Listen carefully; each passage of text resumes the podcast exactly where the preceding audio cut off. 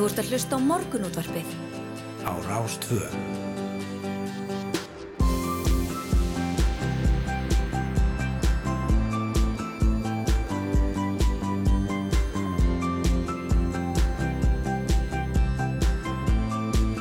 Morgunútvarpið Á Rástvö. Morgunútbrið býður, góðan dag, mánudaginn 14. mars. Klukkuna vantar tíu myndir í sjö og það eru yngvar Þóru og Hulda Gistóttir sem verður hérna með ykkur til klukkan nýju. Já, við bjóðum svo sannlega góðan daginn en það er svolítil uh, mæðum mánudagur. það eru veður viðvaranir sem við förum nú betur yfir hér á eftir en við látum það nú ekkert stoppa okkur í því að vera með fjölbreytta umfyllunum allt það helsta sem er á döfinni. Við ætlum meðal annars að taka svona stuttsgrens á sportinu í lok þáttar og uh, fara yfir það allra helsta frá helginni. Og klukkan hálf nýju eða strax eftir frétta yfirleitt klukkan hálf nýju kemur utaríkisráðherra til okkar Þórdís Kolbrún Reykjörð Gilvadóttir við ætlum að ræða við hana um hlutverk Íslands þegar kemur að innrás rúsa í Úkrænu verkefni örgisvæðisins á keflaðegarflöðli og hvernig smáríki líkt og okkar getur lagt sitt til en hún hefur sagt að við getum ekki staðið aðgerra laus hjá þeirra alþjóðalögur brotin á jafn blíðunalösan hátt og stórveldi Rúsland hefur gert. Já, já, og við ætlum að ræða Úkrænu törvert í þætti dagsins enda mál, málana þessa dagina eh, klukkan kortir yfir sjö ætlum við að heyra í Óskari Hallgrímsinni ljósmyndara sem er búsættur í kænugarði og er henn þar mm -hmm. við ætlum að ræða hann um, um stöðuna en minst 35 létust í loftáru sem rúsa í vestanverðri Úkrænu gær en talsmaður úkrænskra yfirvalda býst við niðurstöðum í friðar viðræðum við rúsa á næstu dögum. Það er kannski óljóst hvað hversu mikið er til í því en það verður alltaf áhugavert að sjá framöndu mála núna á næstu dögum. Og Óskar veit ég manna best hvernig staðan er í kænugarði á svo stöttu og ætlum líka ræði við landlækni um áhrif stríðs á heilsu fólks bæði fólki sem er þarna og verður fyrir árásum og, og, og fær ekki sama aðgengi að spítunum, livjum, öðrum byrðum og áður en okkur langar líka að ræða sko, áhrif já, stríðsins á andlega líðan já, Evrópa búa almennt mm -hmm. og okkar Íslendinga, við erum að sigla úr, úr tveimur árum eh, af faraldri já. og hvernig það er að, að, að fá stríð beint í kjölfarið Já, uh, Alma Möller landlagnir verður hjá okkur um hálfa áttaleitið, svo kortir í átta ætlum við að slá þar áðinn uh, til hennar auðar Ölfu Ólástóttur, hún er verkefnastjóri verðlags eftirlits ASI, við ætlum að tala um maturverð sem hefur hækkað verulega í Evrópu undanfarnar vikur og mánuði og reiknum á með innrásin í Ukrænu hafi þar líka verulega áhrif og uh, við ætlum að spyrja hana meðal annars hvort að verslanir flyti aðfanga hækkanir beint út í verðið eða hvernig á þessu stendur öllu saman. Einmitt. Og uh, á allt öðrum nótum þá ætlum við að ræða um ótrúlegan vöxt í íslenskum tölvuleikja eðinaði uppur klukkan 8 en starfsfólki hefur fjölgað hjá leikja fyrirtækjum um 35% á tveimur árum og íslensk tölvuleikja fyrirtæki er í kringum 16 talsins en 13 þeirra er í samtökum leikja framleiðanda og við ætlum að fá til okkar formann samtakana Þorgir Fríman Óðinsson til að ræða þessa miklu siglingu í bransanum. Já, á nóg að taka í morgun útdarfinu eins og alla daga. En á mánudöfum uh, fáum við nú bara eitt blad á papír, það er mokkin, hún er með morgunblæði. Og þar er vitaskuld rætt um uh, stöðuna í Úkrænu uh, á fórsíðan morgunblæðsins er annars vegar mynd af, af mótmálum fyrir utan Hallumskirkju í Reykjavík það sem stríðsrekstri í Júkrænu er mótmælt ætla má að já, um 600 manns hafi tekið þátt í þessum mótmælum gegn stríðinu sem hefur nú staðið í átján daga. Og á fórsíðan morgunblæsins er einnig rætt við Birgi Þórarensson, þingmann sjálfstæðarflokksins sem hefur verið stattur í Lviv undarfarna daga. Hann segir hér að já, hann og, og e, sá sem hann ferðast með hafi átt fund með fylgistjóra e, sem frætti þá um hvernig staðan væri Fólk óttast að átökinn sé að færast nýga neyður eftir, það likur nánast allt landið undir. Vesturlöndin verða að fara að grýpa inn í þetta núna með því að banna flug yfir Úkrænu. Og þeir sem tala við hér bæði frá hernum og stjórnvöld í Lviv leggja allir þunga áherslu á þetta, segir Birgir Þórensson. En já, það er eins og framveg komið þá vil alltaf það spanda læð og, og Evrópu ríki, þau vilja ekki grýpa til þessa rástafana þar sem já, stríðið mun þá öllum líkindum uh, færast til fleiri ríkja. Já, Nú, það eru uh, sorgartíðindi úr kvikmyndaðinaðinum en bandaríski stórleikarin William Hurt er látin aðeins uh, tæplega 72 ára og það er fjallað um þetta auðvitað öllum helstu miðlum en ég er að skoða hérna frétt á vísi.is og uh, William Hurt auðvitað hlaut Óskarinn á sínum tíma fyrir kvikmyndina Kiss of the Spider-Woman árið 1986 og svo hefur hann tvisa verið tilnemdur fyrir leik í myndunum Broadcast News og Children of a Lesser God. Og það er veitnað hér í yfirlýsingu frá síni hans sem að segir að andlátið eh, hafi borið að aðeins viku fyrir 72 ára ammali hans og hann lést af náttúrulegum orsökum í faðmi fjölskyldunar eh, segja þeir hjá Guardian. Hann er svo sannlega eftirminnilegur leikari og, og, og svona hafði mikil áhrif. En það eru aðrar léttari fréttir hér við liðin á inn á vísi.is úr uh, ameríska fótballtanum uh, rauðningnum. Og þar segir hér í fyrirsög Tom Brady hættu við að hætta. Og tekur annan tímabil í Tampa. Já, já, það gleður nú eflust marga. Já, hann er 44 ára og hann höfði sleggja skóna á hillinu og gaf þar hennar út í byrjun februar, hann væri hættur. En svo senda hann út tilkynningu á samfélagsmiðlum og segir hérna ef ég snar þýði þetta undanfarnar tvo mánuði hef ég átt að með á því að ég á ennþá erindi inn á völlin og ekki upp í stúku. Sá tími kemur síðar en það er ekki núna. Ég elska liðsjölaða mína og ég elska stuðningsfjölskylduna. Þau já. láta þetta allt ganga upp ég er komin aftur, ætla að koma aftur ég minn 23. tímabil í Tampa. Og svo segir hann hérna unfinished business. Er hann ekki langt bestur? En þú fylgis ég ekki mikið með þessar íþrótt.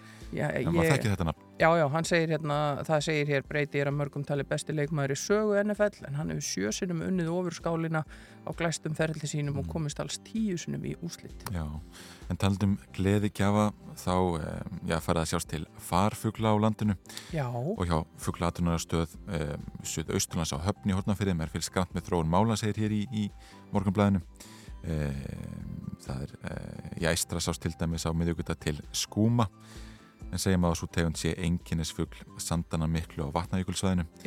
Þar verpir líka stærstu hluti stoppsins sem er úthafstofn og heldur sig utan varptíma víða um norðanvert allansaf. Það var nokkrar áldir sérst við hornafjörða undaförnum, endur og grákjæsir og einni skóarþrestir segir Brynjólfur Brynjólfsson, fugglatunamaður á höfn. En stóra spurninginum komu farfugla er þó alltaf svo hvenar heiðlóa komi Já. með sínu undur blíða Direndi sem er síkilt yrkisefni skálda segir hér um, og Brynjólfur já, veðir á að fyrstu lóðunar gætu komið til landsins dagana 25. til 28. mars ah, slíkt var þá stakir fuglar svo í annari viku aprilmánar megi hins að búast við að hraðflega lóan flikkist að Íslandsströndum frá vetrarstöðum sínum sem eru hvað á Spáni og Írlandi og, og, og eh, já, Fraklandi og, og þar, þar um Já, það, þetta verða svona spórgöngufuglar sem koma fyrst já. og hérna, eða fluggöngufuglar Já, kannadastæður eða spórflugsfuglar ég er að búið til nýtt orðið allavega stýttist í, í þann gleði gjafa, mikið verður gaman er að við förum að heyri í lóunni og, og það er lífgar alltaf, ég farin að heyra fuglasöng svolítið á mótana. Já. Það vísu ekki í dag, það er svo kvast þá halda þeir sig stærri skjóli. En uh, Við ætlum að fara að færa okkur yfir í fréttir núna á slæðinu klukkan 7 komum svo aftur hérna inn á eftir og höldum áfram með morgunútvarpið. Þú ert að hlusta á morgunútvarpið. Á Rástvöð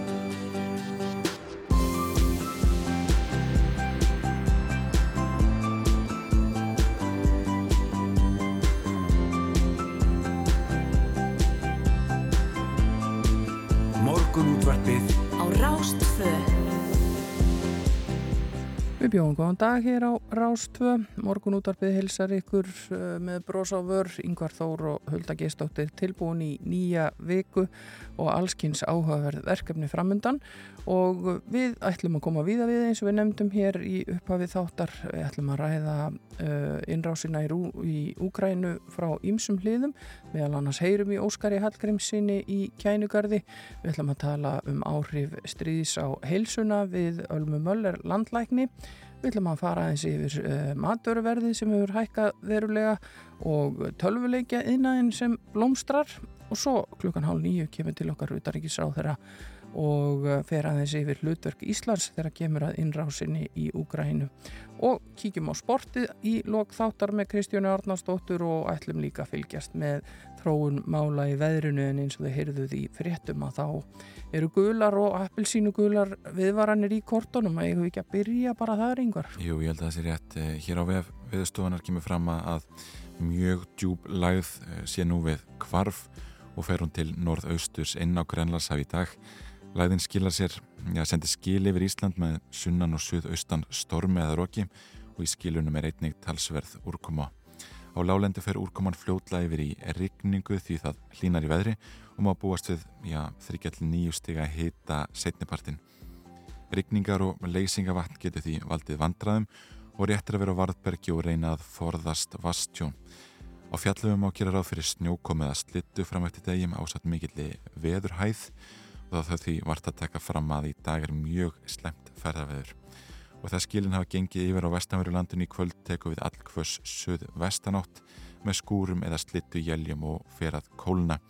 Og eins og kom fram áðan þá er appelsinu gul veður viðvörun já, á faksaflúa, breyðafyrði, vestfjörðum, ströndum og Norrlandi vestra. Þetta tekur gildi í, já, svona uppur klukkan nýju hektobítandi nýju, tíu, tólf mm -hmm. og gildir e, fram á kvöld. Já. og sumulegis gular veður viðvarinir sem taka gildi núna um nýju letið Já, akkurat. Og þannig að um að gera fylgjast með þessu því sjáu þetta betur inn á veður.is og talandu um veðri þá er nú fréttir inn á rú.is þar sem eru myndir meðal annars af risastórum höglum sem ringdi við Vesmanega bæ um klukkan 5 í gær og uh, það er hérna skemmtileg mynd af, af, af gutta hérna með glas fullt af höglum já. þetta er bara eins og svona sérútbúni klakar já, já. Í, í, í hérna flottan drikk og uh, þetta eru margir vestmannegingar sem deildu myndum og myndböndum á samfélagsmiðlum af þessum ósköpum og, og þetta stóði yfir í um fimm mínútur kemur hérna fram. Mari Erna Jóhannsdóttir, það rættu hana hér á, á Vefrúf og hún segir, já þetta byrjaði bara með venjulegu haklili og allt í hennu kom eins og litlir snjóboltar eða kringlóttir litlir klakar og þessu fylgdu gríðali læti. Þetta er stærri en þaumalputanögli mín, alveg rosalega stort og þetta skoppar á jörðinu og fer aftur upp því það er svo mikil þingstli og kraftur í þessu. Það er eins og svona minn sagði eins og það snjói klaka. Já. Þetta er skemmtilegt. Hver þarf klaka vel?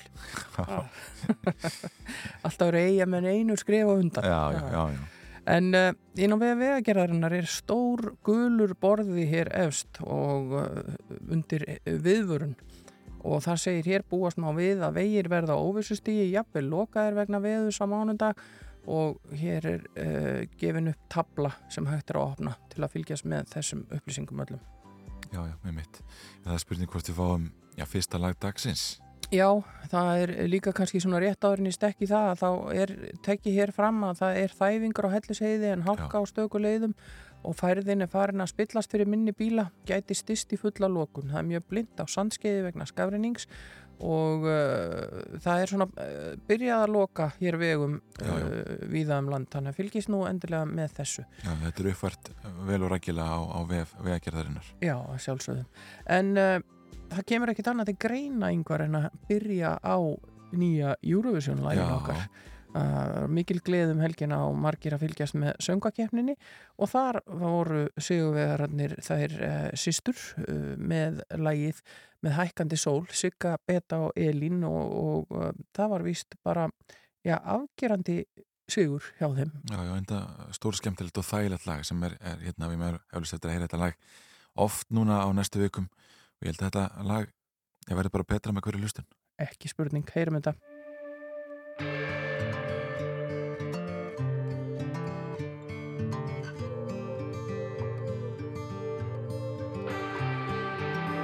Öldur óti hljóður sá Þrautin þungum vagan sorgar sárum Þrá sem lagar, brennur sem á Liggur í leiði, leiðindar mann Þeir, þeir Ljósar skiptum þær að sjá.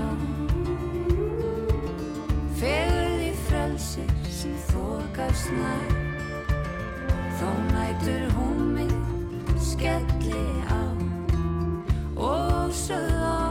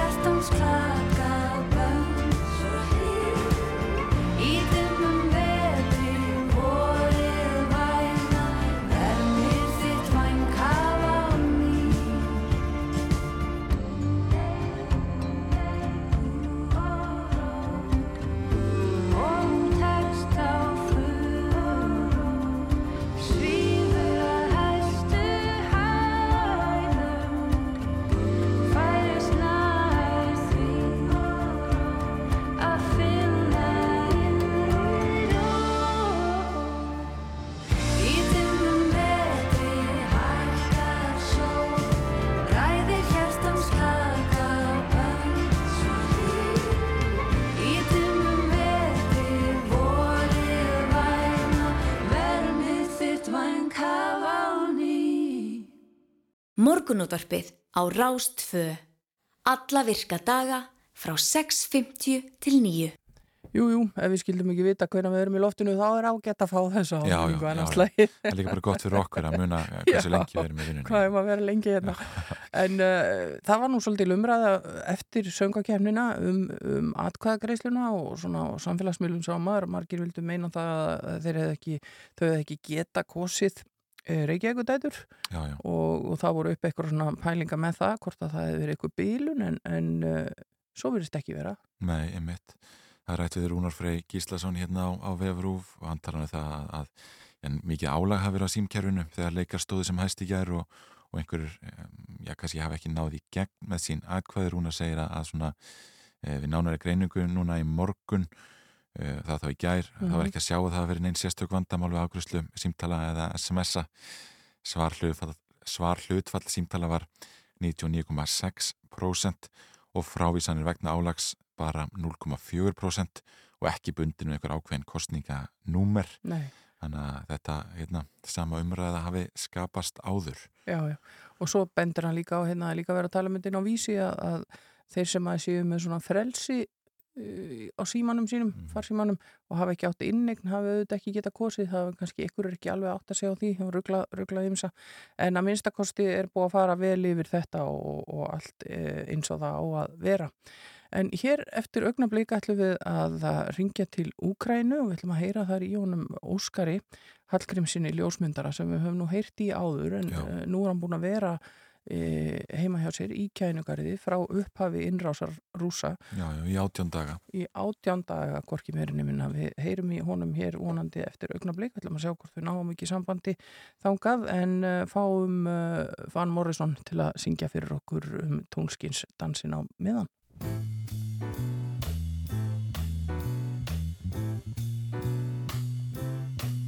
Well, it's a marvelous night for a moon dance with the stars up above in your eyes. A fantabulous night to make romance neath the cover of October skies. You know, the leaves on the trees are falling to the sound of the breezes that blow. You know, I'm trying to please to the calling of your heartstrings that play soft and low. You know the night's magic seemed to whisper and hush. You know, the soft moonlight seems to shine in your blush. Can I just have one more moon dance with you, oh, my love? Can I just make some more romance with you, oh, my love? Well, I wanna make love to you tonight. I can't wait till the morning has come. And I know now the time is just right. And straight into my arms you will run. And when you come, my heart will be waiting to make sure that you're never alone. There and then all my dreams will come true, dear. There and then I will make you my own. And every time touch you, just tremble inside. Then I know how much you want me that you can't hide. Can I just have one more dance with you, my love? Can I just make some more romance with you, oh, my love?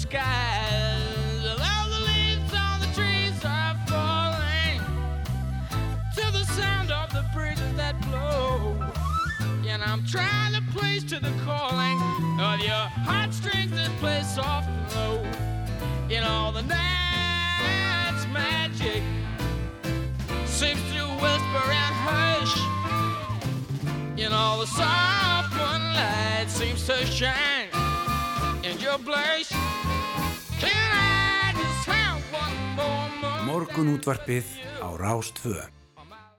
Jú, jú, uh, við ætlum að fjallum stöðuna í Ókrænu núna en uh, já, stríð hefur nú staði yfir í átján daga og rússar gerði ger loftáru sér á vestanverðam Ókrænu. Óskar Hallgrímsson, uh, ljósmendrið sem er búsettur í Kænukarði, er komin á línuna, góðan daginn. Góðan dag. Við erum nú áður rætt við þig uh, um stöðuna í Kænukarði, sko hvernig Mm. er umhorst þarna núna? Sko staðan hjá okkur í kæningarði er bara mjög fín, þannig séð sko innan, innan við borgina. Hérna er búið að tryggja nánast alla leiðir inn í borgina mjög vel og það er búið að búa til svona choke points og annað sem er svona þungar úr svona til þess að ef þeir ætla að reyna að koma oft inn þá er, er, mjög liklega líkur á að koma oft eitthvað látt inn í borgina allavega og uh, varðandi þú veist þess að svona utanilíkjandi þar sem er rússar eru staðsettir þá er þið búin að vera að reyna að gera árás umkringja borgina bæði frá norðvestri og norðaustri. Og þú fólk hafði miklar ágjur á þessari 40 milna lungu uh, röð og þá voru ykkur að fréttir hérna fyrir helgi að hún hefði farið að dreifa úr sér og var, voru ykkur ágjur um það þegar voru að koma sér í svona ykkur árásar stöður en, en það kemur svo bara ljós að þeir voru bara að forða sér og það, það voru svo miklar árásir á það þegar þeir sátu þarna á veginum og eins og Uh, ég bara ber, undir berum himni þannig að þeir voru farnir að koma sér fyrir bara í þorpum og undir trjám og, og eitthvað til þess að fela því bara.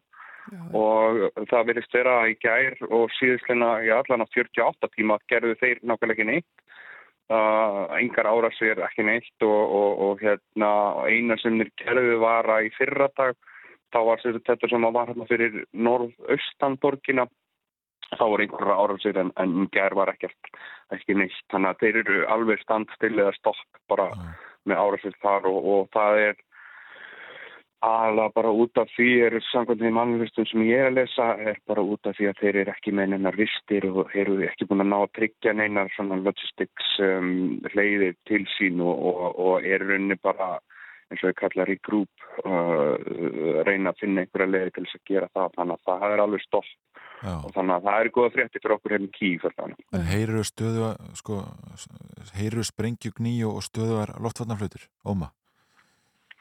Ég heyri, heyriði, sko, heyri það alltaf minna og minna með hvernig deginum sem líður og, ég heyriði í, sko, fyrra dag, heyriði ég svolítið mikið að sprengjum yfir borginni uh, en það var, fór vola sjaldan, sko, flautunar í gang sem þýðir bara það að loftvarnakerfið hjá þeim er bara orðið svo svakalega gott að þeir eru bara, þeir eru bara farin að sprengja allt niður sem að kemur nálagt borginni og það er bara, það er bara þannig að er rétt inn fyrir borgamórkin og, og, og, og síðan er það bara sprengt niður.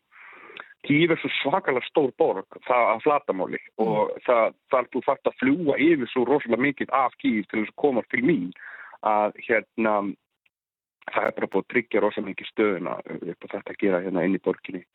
Þannig að sko höfuborgin sjálf er, er, er bæði mjög vel varin inn í, hérna eru, hérna sko, að þú ferð út í búðu eða eitthvað að þú lappa fram hjá alveg pottet, lappa fram hjá fullta hermunum og leiðinni angað og, og ég var að mynda hérna í, ja, fyrir nokkur dögur síðan, fyrir mig fyrir dögur síðan, þá fór ég með svona þjóðvalvar dild uh, þetta kalla territorial defense sem eru ekki frá hernum heldur þetta almenna borgara dæmi, uh, sem eru þau, já, svona undir herdildir mm fór ég með þeim og fór að mynda, alltaf að fara að mynda við Irpín sem er svona borg hérna, já, eða útkverfi eða mætti kalla við Kíf og það, það er svona eins og við varum að keira til Keflavíkur eða eitthvað frá Reykjavík, það er svona söpa langt kannski, ekki eins og það hafnafjörður, svona útkværi hafnafjörðar mm -hmm. að hérna ég held að við hefum kert í gegnum tíu svona stóra military checkpoints og, og, og, og hérna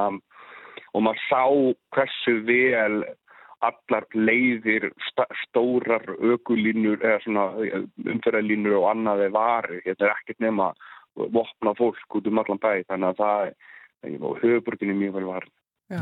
Nú telja flótamenn frá Úkræn orði í miljónum. Hvernig er staðan hjá ykkur í Kíf? Er eitthvað eftir að fólki þarna eða hvernig er það?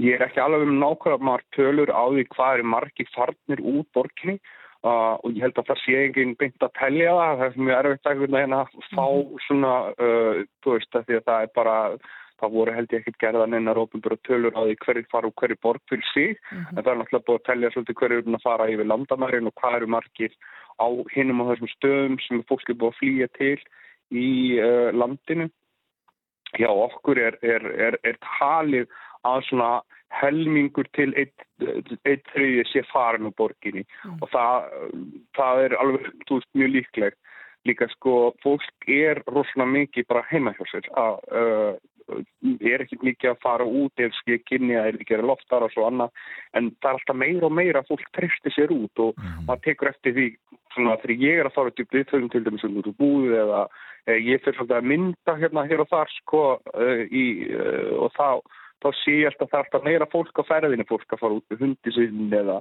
til dæmis mjög bara með börn og að leika eða eða í göngutúra eða eitthvað svolítið og, og það er svona fólk er aðeins að fá svona meira uh, meiri kjark til þess að fara út. Já. Já, já. En þú talar um að fara út í búð til dæmis. Hvernig gengur það að bara að, að halda uppi vöruframbóði fyrir fólk? Vöruframbóði er að aukast og ég held að þetta er sem ég talaði fyrst um að, að það vera tæmast hérna úr búðum að það hafi verið svolítið mikið meira fólkstar hamstra mm. heldur en að fólk heldur en að vöru uh, að væri vöruskortur og það var bara, og við gerum það líka ég menn að við vorum alveg eins og allir við bara fríkum út og keistum hérna tíu dósur af bönum og, og þú veist og, og, og tvo pakka hrískrónum og bara til þess að vera vissum það við hefðum matabyrðir hérna allavega út vikuna eða, eða skekkinni eða við myndum lenda í umsátri eða eitthvað álíka. Þannig að ég held að það hafi verið svona það fyrsta en síðan er það líka þannig að suma vörur eru innfluttar og, hérna, ja, meiri hlutin er innflutt og þannig að þú sérð að það eru fullt af vörur sem eru bara tómar og munu vera tómar og, og hérna síðan sérðu líka að það er verið að fylla á helling til dæmis eins og brauð og, og, og, og grænmeti.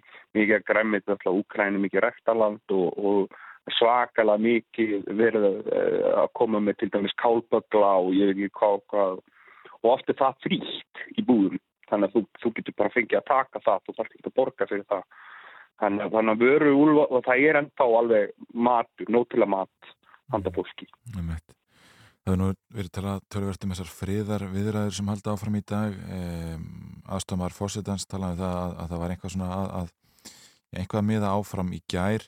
Um, heldur að Úkrænu fólk uh, og, og íbúar þarna og fólk sem þú þekkir í kringu þig sé orðið það þreytt á, á og, og svona hérna, já það þreytt á stríðinu að það er tilbúið til að, að teikna upp ný landamæri að láta rúsum í tje héruðin í, í austri?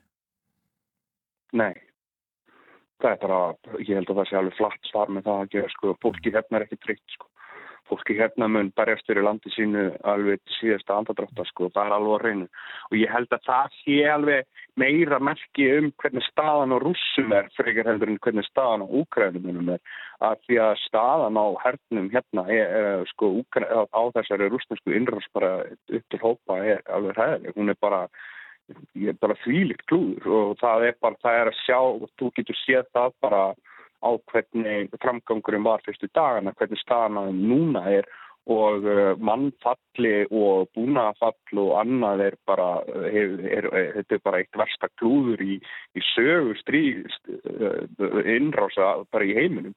Og staðan í Rústlandi inn í landinu er mjög slæmi, minna þeir eru bara ég veit ekki hvað er mörg fyrirtæki faran úr landinu. Þessi, þessi efnahagsþingan eru þvílitt farnar að kæfa landið og Putin er í mjög vondum árum heima, mm. heima fyrir og, og varðandi hérinn sjálfan uh, þetta, þetta, þetta vandamál með fyrir ekki með slettusni ennsku, ég, ég hugsa alltaf á ennsku og les alltaf á ennsku, tala alltaf í ennsku ég kann ekki að býða þessi orð. En, en, en það er þetta logistical issue með það að þeir ná ekki að fæða deildina sinna, það er bara það er svakalegt vandamál, þeir ná ekki að tryggja þessar leiðir þeir, þeir fara fram með herin á þess að eru búin að tryggja leiðirna til þess að fæða, þannig að bílar eru bensilusir, mennur eru matalusir og annað, þetta fvílitt vandamál. Mórallin í hernum er alveg svakalega slæmur og það eru fregnir sem heyri sem er mjög, mjög, mjög algeng. Uh, fleiri, fleiri hundru hermans, hermana er að gefast upp á því hverjum og þeir eru farið að missa, ég með þeir eru búin að missa þrjá herfóringja sem þeir þekkist varlega í stríði að, að herfóringja sé að, að farast á výðvillinum uh, og síðan er, er Putin búin að reka átta til viðbútar, hann er búin að handtaka uh, hellingamönnum innan þessa FSB sem er þeirra leinithjónusta og þar, þar með talin einnam þeirra yfirmönnum þannig að staðan hjá rússum er bara í, í algjör ruggli og, og Putin er, er komin í þá bara stöðu hann, hann verður að fara að gera eitthvað drastist hann verður að breyta til eitthvað ef hann hafa eitthvað, eitthvað mögulega og, og það sem það virðist vera það sem hann ætlar að gera er að auka uh, flottafengmina í stríðinu og það er mm. það sem, það er það sem við ræðumst mest hér. Já, já, einmitt. Uh, og, og hvað tekur við hjá þér núna næstu daga og vikur? Ætlar að vera áfram í, í kennugarði? Já, ég er alveg orðin alveg pottitum með það ég verði hér og mér upplifið með mjög örugan hér og fulla trú á, á ukrainska hernum um að halda, að halda gíf. Það held að það séu nánast engin möguleika. Ég það þarf að gerast eitthvað stórfengleg til þess að hann geti komist hingað inn og, uh, og hérna hann, hann er bara ekki með hertildi til þess. Það er bara er þannig. Það er bara mjög einfalds breytnstæmi. Hann er farin að sækja hertildir til uh, Nagorno-Karabakh, hann er Armeníu, hann er að sækja reyna að fá einhverjar slappar herbildi frá Sýrlandi til þess að reyna að bæta í herin þannig að hann er ekki hann er bara ekki að fara námengna inn fyrir. Þannig að við erum mjög örug hér og, og ég held að það hefði góð ákvörð þegar okkur að fara ekki út í þennan flottamannaströym og að vera hann og það sem að tekur við hjá mér er bara að ég held bara áforma að hérna fylgjast með því sem er að gera. Það er nóg að gera hjá mér þannig séu, ég er að mynda hérna alla daga og, og og uh, er með, með hinn og þessi verkefni sem að, sem að hérna, sem Já. ég er bara að fara að halda áfram að vinna í, sko. Já. Við þurfum að kveðja því í byli Óskar Hallgrímsson í kænugarði, mikið gott að heyri þér og gott að heyra að, að, að ykkur líður ekki illa og, og við Já. sendum auðvitað bestu kveðjur og, og óskýrum um að þetta gangi vel. Takk hjálpa fyrir spjallið. Takk fyrir og segjum það, bless, bless. Bless, bless.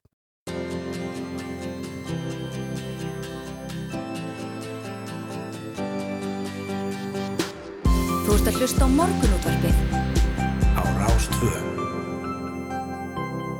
Jú, og við í morgunúttarpinu ætlum að halda áfram að ræða stöðuna í Úkræni og vorum að ræða við Óskar Hallgrímsson sem ég eiginlega sagði okkur frá því að að staðan væri betri en, en kannski margir byggust við í kænugarði. Já, svona fyrir okkur sem fylgjast með þessu utanfrá að, að, að þá var þetta nú bara svolítið svona pepp símtal verið að segja. Hann var alveg mjög harður á því að, að hann ætlaði ekki að fara og það gengi uh, mun betur að verja borginni heldur Já. en kannski við sem fylgjast með alþjóðlegum fjölmjölum höfum haldið. Já, já, og, og fleiri þóri út á götur eh, borgarinnar. Já. En stríðan svo það sem nú geði sér í Európu hefur, já, vita skuld, eh, viðtæk áhrif á heilsu þeirra sem fyrir verða og Alma Möller landlæknir er komin ykkar til okkar, góðan daginn. Góðan dag. Sko, hver eru, eru hérna áhrif stríðs á, á heilsu fólks? Já, þau eru bara mjög viðtæk og, og margvísleg og, og það má þetta skipta upp áhrifunum þeim sem eru til skemmri tíma og lengri tíma. Og ég ætla svo sem ekki að gefa mig út fyrir að vera neitt sérfræðing í þessu en, en ég fylgist með uh, skýslum frá alþjóða heilbyrðismálastofnunni og svo er ég að reyna að setja mig í spór kollega minna sem þarna eru því ég er nú svæfinga og gjörgistlulegnir og er að reyna að ímynda mér hvernig þeir hafa það að sinna mjög veiku og slösuðu fólki og, og það vantar líf og það vantar súrefni og það vantar blóð og allt þetta sem okkur finnst svo sjálfsagt. En svona þegar stríð byrjar að, að þá eru þetta það sem menn sinna fyrst og veku mest aðtigli það eru þessu beinu afleðingar árásana það eru þetta mannfall og, og áverkar og bæði á hermenn og almenning og svo samhliða sem þarf að sinna því þá vestnar auðvitað aðgengi að heilbriðistjónustu.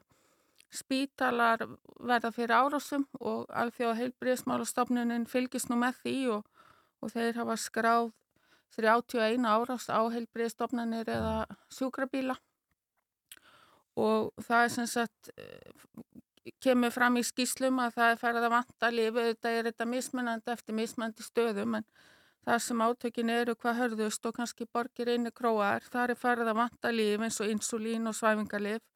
Það vanta blóð, það hefur þurft að loka vesmiðum sem að framlega súrefni til læknisfræðilegra nota og síðan varu þetta heilbríðiskerfi þegar mjög aðþrengt vegna heimsvaratusins. Þannig að í öðru lagi þá eru þetta bara öll önnu þjónusta, bara eins og við upplifum hérna í fyrstu bylgu þá einblíndum við á COVID og, og feldum niður aðgerðir og annað slíkt og, og þetta hefur auðvitað þegar gest, um, heilbriðsráðinni til Úgrænu gefur út að það er einingi sagt að veita bráðameðferð, það allir annari meðferð hefur verið hægt og það sem menn hafa svona mestar áhyggjur af núna til skemmri tíma, það er COVID-19, faraldurinn hefur auðvitað verið í uppsveifli þarna eins og annar staðar. Það eru hjart- og æðasjúkdómar, öndunafæra sjúkdómar, síkusíki og geðranni sjúkdómar og síðan er það þetta heilsa fæðandi kvenna og nýbura og svo er það þetta þannig að kannski svona viðkvæmir hópan er svo fatlaðir að það er staðan ennveri. Mm. Og síðan þegar kannski aðeins lengri liti þá fara menn að hafa ágjör af eins og að krabba með meðferð fellu niður og, og þess áttar. Nú svo í þriðja lagi að þá eru þetta hægt á að smitsjúkdómar breyðist út þegar stríð geysar og þá bætist auðvitað við fyrir utan að vanta líf og heilbyrðistjónustu að kannski er vestnar aðgangur að hreinu vatni og, og hreinlætsaðstöðu og svo skapast mannþröng sem við vitum að auðvitað getur ítt undir uh, útbreyslu og smitsjúkdómum. Og bólusetningastaða samkvæmt alþjóða heilbyrðismálstofnunni er ekki nógu góð í, í Úkrænu, ekki nefn eitthvað um kannski ríflega þriðjungu bólusettur gegn COVID og það vantar á líka varðandi barnasjúkdómana. Þannig að þeir hafa síðan hópsíkingar af mislingum og ljömunaveiki Mm. á undanferðnum áðum, árum Mm. og eins og ég segi þá er COVID hann í töluverðum uppgangi og, og það dói 1300 þannig vikuna sem að, eða hann í lok februar sem að mér reiknast til að sé eins og tíu hér Já. Og, og það er líka vakin aðtikla á því að síkla lifja ónæmi er kannski útbreyttara þarna heldur en eins og hjá okkur. Og svo í fjórðalagi þá eru áhrif á andlega líðan og, og andlega heilsu. Og það eru þetta mikil streyta og kvíði sem að herjar á þá sem að þurfa kannski að, að henda allir frá sér og yfirgefa heimili og ástvinni og fórstujörð og bara fara út í óvissuna og ég hef verið að fylgjast með fréttum viðtölum við fólk og svo bætast við flóknar tilfinningar líka hjá þeim sem flýja sko, þeir eru með sektakent yfir að hafa farið og, og yf- yfir að vera hólpnir þannig að það er mikil hætta á, á áfalla streitu röskun og svo auðvitað þar sem að eh, stríði geysar að þar bætast við aðstæður eins og bara ofkæling og, og hungur. Mm. Við heyrum í á vissum stöðum er farið að skorta mat þannig að Já, já. það er auðvitað eins og ég segi bara ekki viðlita að reyna að ímynda sér hvernig þetta raunverulega lítur út en, en svona ég skrifaði litla grein til bara að reyna að byrja að skilja þetta og, Mhm. og, og það er staðan í dag en síðan auðvitað vestnar hún og, og alþjóða heilbriðstofnunin sýnist mér vera að fylgjast mjög vel með og, og grípa inn í og gera margt. Já, þetta er auðvitað skjálfileg staða uh, fyrir það fólk sem þetta upplifir en uh, svo eru við hér heima sem eigum uh, rúmin okkar og hlýju dúnsængurnar og, og höfum það gott með við þetta fólk en uh, þetta getur samt haft áhrif á okkur. Það er alveg hárétt og, og við erum jú líka að koma út úr tveggja, eða vonandi að koma út úr honum, eh, tveggja ára faraldri og, og það hefur auðvitað haft áhrif á uh, andlega líðan margra. Og þetta er eitt af því sem við erum fann að hugsa og sem ég heyra af að það eru margir með kvíða út af stríðinu. Og við hjá embætti landlæknis höfum rætt þetta og ætlum að reyna að um, bæta við spurningum varandi þetta, við fylgjumst með ákveðnum atriðum varandi heils og líðan mánuð fyrir mánuð. Þannig að við ætlum að, reyna að bæta því við og síðan erum við þá að undirbúa að gefa út ein, einhvers konar leiðbeiningar uh, eins og við gerðum í byrjun COVID, hvernig fólk getur tekist á við þessa stöðu og ég ætla að benda á að til dæmis Rauðikrossin er búin að gefa út frábært efni um hvernig við tölum við börn sem eru hafa áhyggjur af- stríðinu þannig að það eru þetta bara eitthvað Mhm. sem við þurfum öll að hjálpa stað við að Já, já, og borga sér alltaf við þetta að tala um hlutina og, já. En, en hérna svo er þetta gott að heyra svona sögur eins og frá Óskari að kannski er staðan á sömum svæðum ekki eins, og við, eh, ekki eins slæm og við óttuðumst. En, en hvaða áhrif hefur það á fólk að vera í svona langvarandi kvíða og streytu ástandi að, að hugsa um sóttvarnaðagerðir og, og, og þennan faraldur í tvö ár síðan er stríð uh, sko hvers konar áhrif hefur þetta á, á fólk? Er þetta meina okkur eða? Já, á okkur, okkur Íslendinga og, Já, og bara að, að, fólk sem, sem fylgist með erfiðum fréttum Já, það er, það er kvíði og það er áfalla streitu röskun. Og þetta er auðvitað líka eitt af því sem við þurfum að einblýna mjög á. Þegar við förum að taka á móti fólki frá Úkrænu þá þarf það í, í heilsufarskoðun sem er mjög vittæk og þetta er einn af þeim þáttum sem að þarf að sína alveg sérstaka aðgátt með. mm meit, við höfum náttúrulega hugsað tölvöld um þessa smitsjúkdóma, þú nefndi þá hérna aðeins áðan um, og það er náttúrulega dæmið það í, í stríði að, að, að smitsjúkdómar hafa farið aftur á stað og, og grassirað verulega hefur verið áhyggjur af því að, að já, kórnu veru faraldurinn farið hratt á stað aftur þarna um, í þessum hluta Evrópu eða jafnvel að einhverjir aðri smitsjúkdómar um, breyðist út um álfuna. Já, já, það eru auðvitað bara ákveðin hætta og sérstaklega auðvitað innan Úkrænu og, og ég er búin að nefna COVID og ég er búin að nefna uh, mislinga en, en það eru líka aðri sjúkdómar, uh, lömunaveiki, berklar, uh, HIVF og fleira. Og auðvitað er hættan að þetta breyðist út innan landsins en auðvitað líka til annar landa og þetta er þá einn mjög mikilvæg liður í þessari heilsufars skoðun Hún er auðvitað margþætt, það þarf auðvitað bara átt að sjá almennri heilsu fólksins í fyrsta lægi og, og þau eru nú valla með sjúkraskíslur eða aðganga þeim þannig að það getur nú verið heilmikið mál. Síðan í öðru lægi þá ymmit þarf að eh, beina sjónum að smittsjúkdómum þannig að það er gerð rannsókn á því, það er uh, tekna blóðpröfur, jáfnvel sörpröfur, röntgen og fleira til að, til að kanna það og, og hindra og grípa þá inn í strax þannig að það byrjast ekki inn til þeirra landa sem flótamenni fara til og það þurfa auðvitað að fara yfir bólusetningastöðu eh, þeirra og bjóða þeim þá bólusetningar eftir því sem við á og síðan í, í fjóraðarlægi að, að fara yfir þessa meta andlega líðan og meta þörf fyrir aðstóð eða áfallahjálp og þetta getur auðvitað orðið heilmikil áskorun fyrir okkar heilbriðiskerfi en, en bæði alþjóða heilbriðismálstofnunin og uh, Evróska sótarnarstofnunin gefa út mjög góða leiðbenningar um alla þessa þætti. Mm -hmm. Rétt áður við sleppuður að því að við, við erum nú með því hérna hjá okkur og þú talar um að við séum já, vonandi að komast út úr þessum tveggja ára faraldri.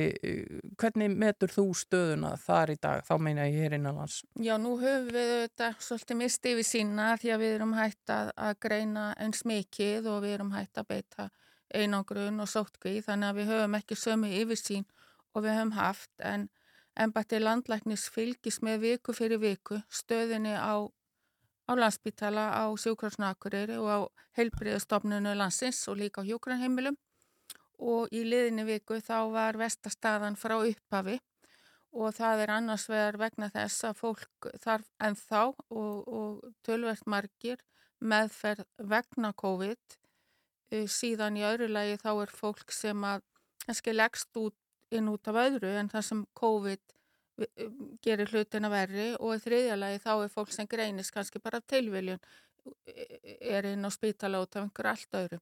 Og síðan við bætist að það er fjöldi stafsmanna sem er veikur bæði vegna COVID og, og öðrum orsökum. En það hefur komið fram á reglulegum fundum að það hefst við og stjórnendur og stafsfólk er að beita bara ótrúleiri útsjónasemi mm. til, til að ná að, að halda stöðinni viðunandi. En hvað haldið að, að þetta geti staði lengi þetta, þetta þunga tímabill? Erum við að sjá út úr þessu? Ég auðvitað vona maður það að, að svona viku fyrir viku að staðan fara að batna og en eins og ég segi og það er náttúrulega alltaf þannig að staðan og heilbriðstofnunum er aðeins á eftir faraldrinum því að það tekur auðvitað tíma frá því einhver smitast og þangar til hann er orðin veikur og þarf einlag þannig að við höfum séð það í gegnum faraldrun að, að það er svona tvær vikur þarna milli þannig að vonandi já, fyrir þetta að, að hjana. Mm. Þurfum við öll að fá COVID til að komast yfir þetta? Já, það er það sem við vitum ekki alveg. Það fer eftir því hvers, eh, svo kallum smittstuðli veirunar og, og sótarnalæknir hefur verið að miða hann við 5 og það þýðir 80% fólks þarf að smittast til að fá hjarðónami en síðan eru þessi endursmitt sem að ruggla myndina. Þannig að ég treysti mér nú ekki alveg til að segja þetta, hvort við þurfum öll að smittast. En, en megnið af, af þjóðinni er þegar búið, kannski 80%, 40% eitthvað með staðfest smitt og, og kannski helmingi fleiri að hún safa vita af því. Þannig að það eru mjög margi búin að fá COVID og, og vonandi fyrir við að sjá til lands. Og svo líka lagast nú staðan alltaf þegar svona fyrir að hlýna og við fyrir að sjá til sólar. Með hækkandi sól eins og sóngi varum um helgina. Alma Möller, landlætnir, takk fyrir að koma til okkar og, og ræða já, áhrif stríðsins á, á líðan og heilsu fólks og, og korunverufaldurinn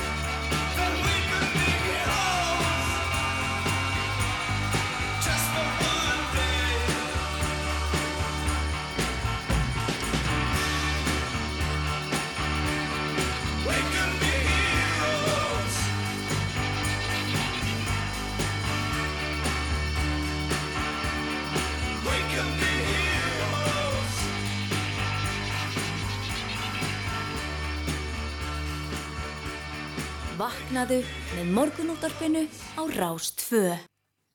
Nú matvælaverð hefur hækkað verulega í Evrópu um undarfarnar vikur og mánuði og ætlam að einrás rúsa í Úkrænu hafi þar verulega áhrif. Auður Alfam Ólafsdóttir, verkefnastjóri verðlags eftirlits ASI er komin á línuna. Góðan daginn. Góðan daginn. Sko við, við sjáum uh, ja, skandinaviska fjölmjöla tala um, um sögulegar hækkanir á, á matvælaverði. Hversu mikið er, er matveruverða að hækka í, í löndunum í kringum okkur? Um, já, það er að hækka ansi mikið um, og hérna við erum auðvitað að sjá það hérna líka og erum bara að sjá mikla verðhækkanir frá því að COVID fór á stað og ennþá hraðari verðhækkanir í raun og veru núna við erum að sjá það bara að fara aftur á stað matveruverð uh, með 2% hækkun núna síðustu tveimir mánuðum þannig að þetta rýfur alveg í. Mm. Hvað er þetta miklar hækkanir segur á, á Íslandi? Uh, eins og ég segi þá er matverðverð búin að hækka um 2% bara síðustu tveimir mánuðum mm. um, en hérna og um 3% á síðustu fimm mánuðum uh, þannig að þetta eru ansi miklar hækkan á sýttum tíma. Já, já, einmitt. Og, og það er náttúrulega talaði um það að svona framleyslu keðjur raskist uh, þegar svona stríðverður má gera ráð fyrir því að matverðverð hækki enn frekar núna á, á næstu vikum og, og mánuðum ef, ef stríði heldur áfram? Maður vil auðvitað ekkert vera eitthvað að spá um það að því að svona ómikil spámennska getur auðvitað hérna, orðið svona self-fulfilling prophecy uh, en hérna auðvitað getur það gerst en við höfum, höfum auðvitað bent á það að maturverð sé búið að hækka uh, nú þegar mjög mikið frá að COVID fór á stað um, og þrátt fyrir sem sagt að, að það var talað um að hérna Já, að gengið þess að vektist í byrjun COVID mjög mikið en það verður styrst mjög, mjög mikið aftur. Um, þannig að hérna í raun og vera ætti einhver hlita sem var hættanum að hafa gengið tilbaka uh, þannig að það er alltaf spurning hvort það sé til eða til frekar að vera hættana mm -hmm. uh, en þetta má alveg gera ráð fyrir því að hættandi uh, hveiti verð hafi einhver áhrif uh, hér heima eins og annars þar að við erum að sjá þannig að hækkar er upp á 10% hjá þessum framlegendum á hveiti en aftur á móti þá eru einhverju framlegendur sem eru sérst, í öðrum löndum en í Rúslandi og Ukrænu að uh, auka sína framlegslu sem að ætta að vega upp á móti. Já, já, einmitt. En er það þannig að sko þessar stóru keðjur eru að, að velta að fanga hækkunum beint út í verðið? Já, við höfum verið að sjá það heldur betur. Uh, og þrátt fyrir bara góða ákomi hjá þessum fyrirtökjum og sem stóru hérna matur vestlana kefðum sko þannig hérna, já mm, Þannig að, já, já, þannig að það er að gerast og, og, og þið vantarlega, ég mæli gegn því að, að slít sér gert og, og að, já, vel stendur fyrirtæki eh, já, einhvern veginn breyðist öðru sér við Já, algjörlega. Eh, það er þetta bara mjög hérna fyrirðilegt að á sami tíma varum að sjá hérna, um, já, forsvarsmenn þessari stóru fyrirtík að stíga fram í fjölmjölum og, og tala um að það sé, já, um, verða ekki hjá því komist að hekka verð og svo frammeðis eins og þeir séum í bári stuði og þá bara á sama tíma byrsta settur um sko með, um, já, bara með afkomi hjá þessum fyrirtækjum. Þannig að það er eitthvað sem að fer ekki saman þarna, þetta er ekki alveg passa ekki alveg finnst manni. Nei, þú myndu vilja sjá fyrirtækin svona sína smá, já, hvað ég var að segja, samfélagslega ábyrð og taka þátt bara á erfiðum tímum með því að, að, að, að halda verðinu stöðu? Algjörlega, við erum auðvitað að sjá hérna, þau hefur nú verið að taka sína einhverja samfélagslega ábyrðvarandi hérna uh, stríði í Ukræni með því að hvetja uh, viðskiptafinni sína til þess að styrkja hérna stríðið og, og leggja fram, framleg til móts við það. Og hérna en uh, það þarf þetta, þetta þarf eitthvað að ná til fleiri þáttar og vera svona út í gegn til að þetta sé trúverið þessi samfélagslega ábyrg þannig að hérna, já, ég held að uh, það sé til að til að fyrirtæki skoða þetta betur. Mitt, Auður Alva Ólastóttir, verkefnastjóri Verlags Eftirlits ASI Takk fyrir að vera á línunni og þið haldið vantilega áfram að fylgjast vel með já, Verlags þróun Já, hún gerir það Takk fyrir fjallið. Já, förum hér í smá músík og svo er það fréttir á slæginu klukkan 8. Við gerum brjöð á dag og stefnu þeim til hafs. Þeir sigla út Sjötta sjónarönd í átt til sólarlags Og fram á gangi hljóna fótatökin þín Svo hverfur inn í og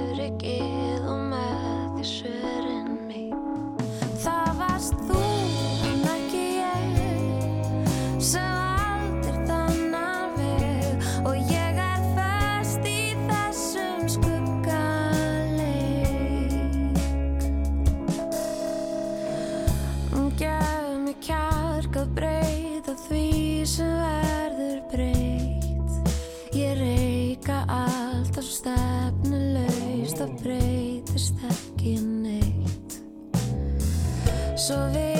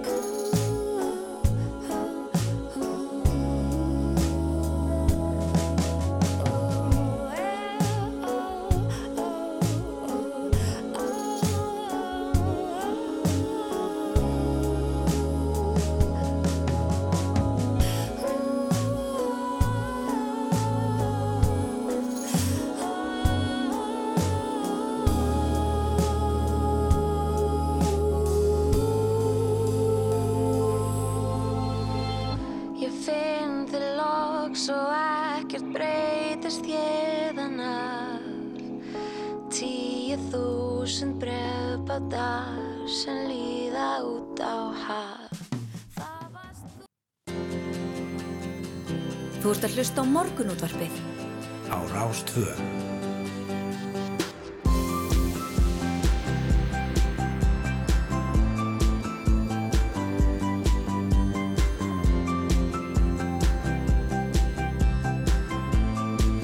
Morgunútvarpið á Rástfö Jújú, áttafréttir að baki og morgun útvarpið heldur hér áfram og við fylgjumst að sjálfsögðu vel með veðri og, og færð. E, við rakum augun í það að einmitt vegurinn um helliseiðið er og lokaðar vegna umferðar óhaps og e, já, það líkur ekki fyrir hvenar vegurinn verður opnaðar að nýju.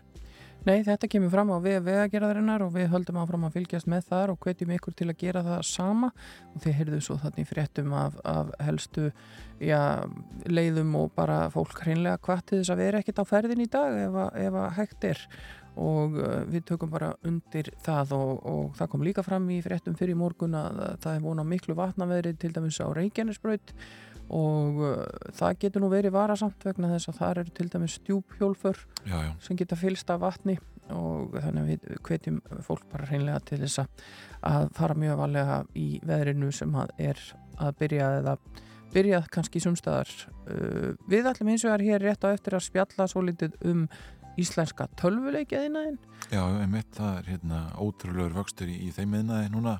Þessa dagana starfsfólki fjölgað já, um 35% á tveimur árum, þetta eru 16 fyrirtæki hér á landi, íslensk tölvuleikja fyrirtæki e, og við ætlum einmitt að ræða við Þorger Fríman Óðinsson. Hann er formaður e, samtaka leikja framleiðenda hann ætlar að ræða þessa miklu siglingu í bransanum. Já, svo kemur auðaríkisráð þegar Þórdís Kolbrún Reykjörð Gilvadóttir til okkar eh, um klukkan hálf nýju. Við ætlum að ræða við hana um hlutverk Íslands þegar kemur það innrás rúsa í Úgrænu og svo undir lok þáttar sest hún hjá okkur um Kristjana Arnarsdóttir íþróttafréttamaður og fyrir yfir það allra helsta af íþróttum helgarinnar. En áfram með tónlistina og það eru huguleg heiti hérna. Þeir uh, spila saman félagarnir uh, Június Meivand og Káká. Lægið heitir Skía Glópur og þetta er eitt af þessum mörgu fallegu lögum sem hafa komið út úr hljómskála þáttunum í sjónvarpinu.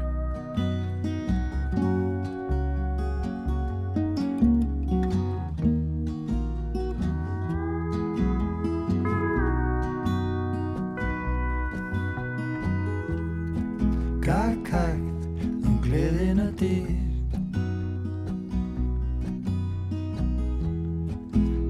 hægt um gleðina dyr. Innum dyrnar handan við. Fegustur hlýð, fegustur hlýð. Leif mér að segja þér. Þú sem ég andar yfir sér.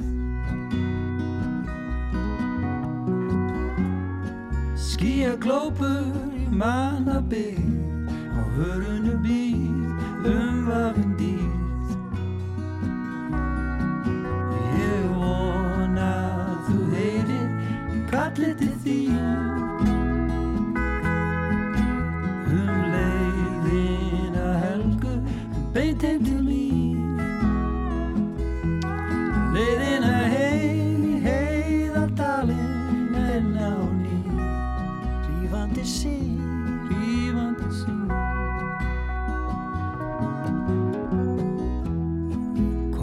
aftur kom aftur heim.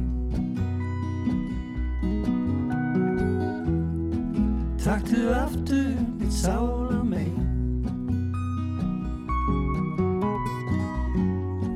Ljós beri manna heim Legðu stein,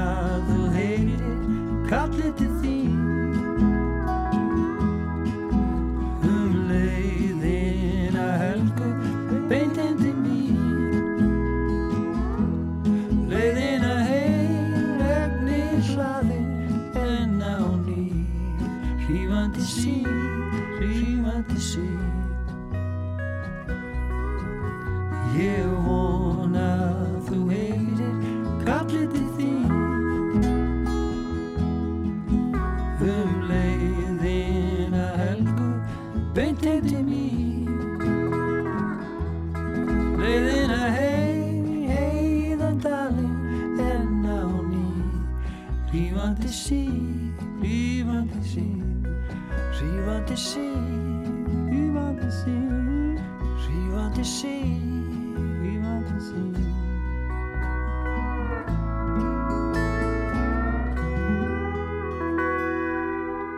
Þú ert að hlusta á morgunútvarpið á Rás 2.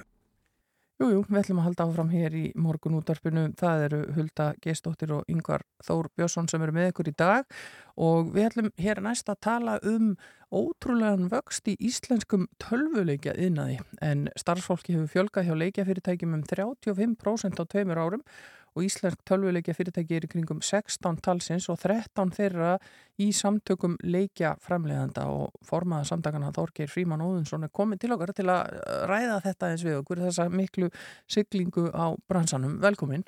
Já, takk fyrir. Uh, þetta eru svona svolítið magnaða tölur fyrir okkur leikmenn þann úti sem að fylgjumst kannski ekki mikið með. Uh, hefur þetta verið svona lengið eða er þetta nýleg þróun þessi miklu vöxtur? Uh, Íslensk tölvuleikinn eru búin að vera að vaksa í 20 og eitthvað ár uh, frá stofnum CSIP og, og fleiri fyrirtækja. Það sem er kannski merkilegt í dag er að uh, núna þá er, semst, við erum með þennan stóra reysa CSIP sem að flestir þekkja nú. Hann telur í dag um helming mannuðs í íslensku tölvuleikinn. Mm. Var alltaf í kringum 80-90%. Já. Uh, í dag erum við komið með sex fyrirtæki fyrir utan CSP sem eru með 15 plus starfsmenn og þar að veru 5 með yfir 20 og uh, mörg þeirra eru búin að fjármagna sem er þeim hætti að þau eru jafnvel að fara að töfalda sig á þessu ári aftur. Já, já. Uh, heildar fjárfæstik í íslensku tölvuleikjaðinaði í fyrra voru, er, sem við erum búin að telja saman eru yfir 35 miljardar bandaríkja, nei miljónir bandaríkja dala Uh, bara á liðnu ári og uh, já, þannig að það er, það er sagt, vöxt, það sem er kannski sérstakast við þetta er það að vöxturinn er búin að vera eiga sér stað utan CSP Já, mm -hmm. Hva, hvað er þetta mörg störf svona um það bíl á, í, á Íslandi sem tengjast þessum yðnaði? Í dag eru þetta sko í beinum tölvuleikja yðnað eru þetta um 430 störf mm -hmm. 400, já, eru þetta rúmlega 430 störf Já En þau tölum um tölvuleikja einnað og öll þessi fyrirtæki, sko er hvert og eitt fyrirtæki að um, gefa út leiki og, og nokkra leiki? Já, raunverulega. Þetta er auðvitað alls konar fyrirtæki. Ég get sagt okkur frá hérna 1939 til dæmis eru með vöru sem heitir Cards.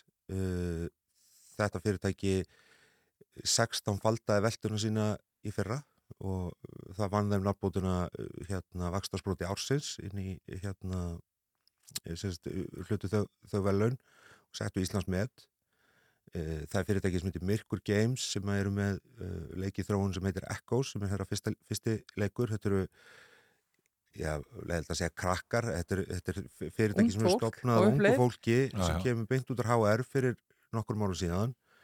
Uh, þau eru búin að ná fjármagna það verkefnum í topp núna, uh, búin að tryggja sér, ef mér skilst, lífskilirði til tryggja ára þróunar.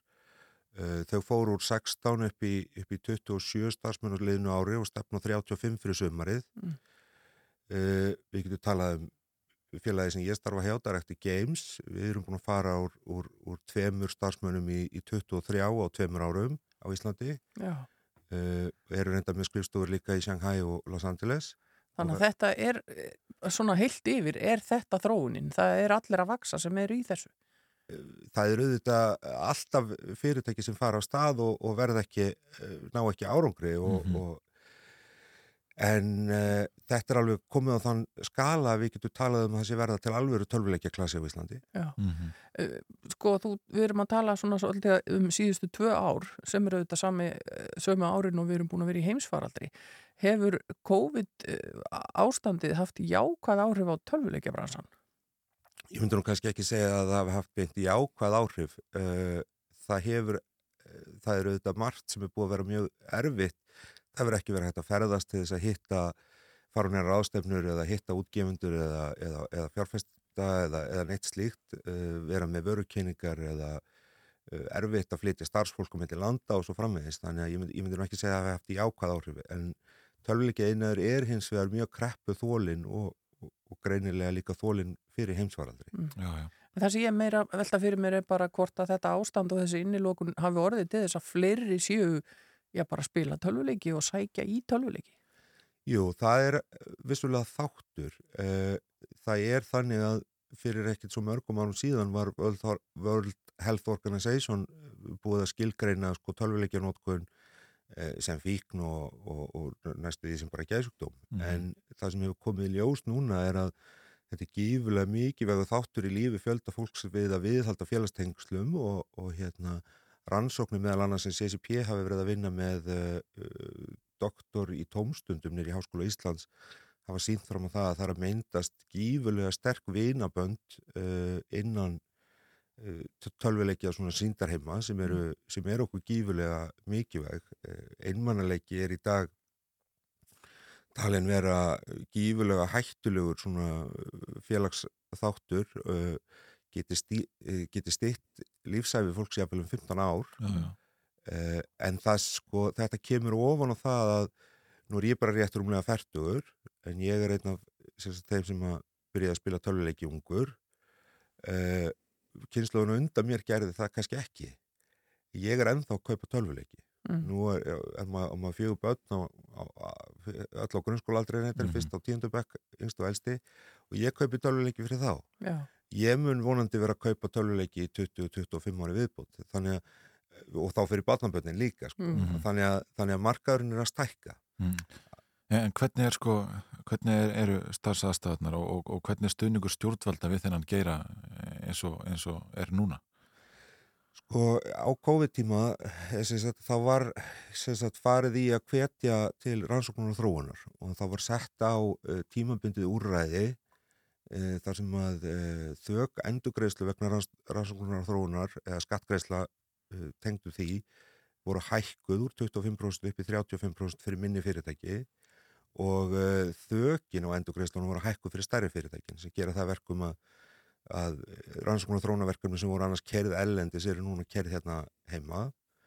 Uh, það rataði svo inn í stjórnarsáttmála núna að hérna að festa þessi þöki sessi eh, sérst, og, og, og þessa hækkun endurgrislunar og, og það er gífulega mikilvægt að það sé gert og frábært að þetta stjórnvöld uh, hafi sett það í nýja stjórnarsáttmálan það eru þetta þannig að það er hægt að reyka tölvuleikja fyrirtæki hvar sem er í heiminum mm -hmm. þau eru ekki háðin einum auðlendum eða einu slíku fyrir utan mannauð uh, sem er önnur hægt að sér stæðir að íslenskum tölvuleikina við höfum ekki nægilt aðgengi að réttu, réttu starfsafli mm. Já, og, og hvað veldur því? Erum við ekki hefur fólk ekki tækið fyrir til að læra þetta hér á landi eða vill fólk bara spreita sig í útlöndum?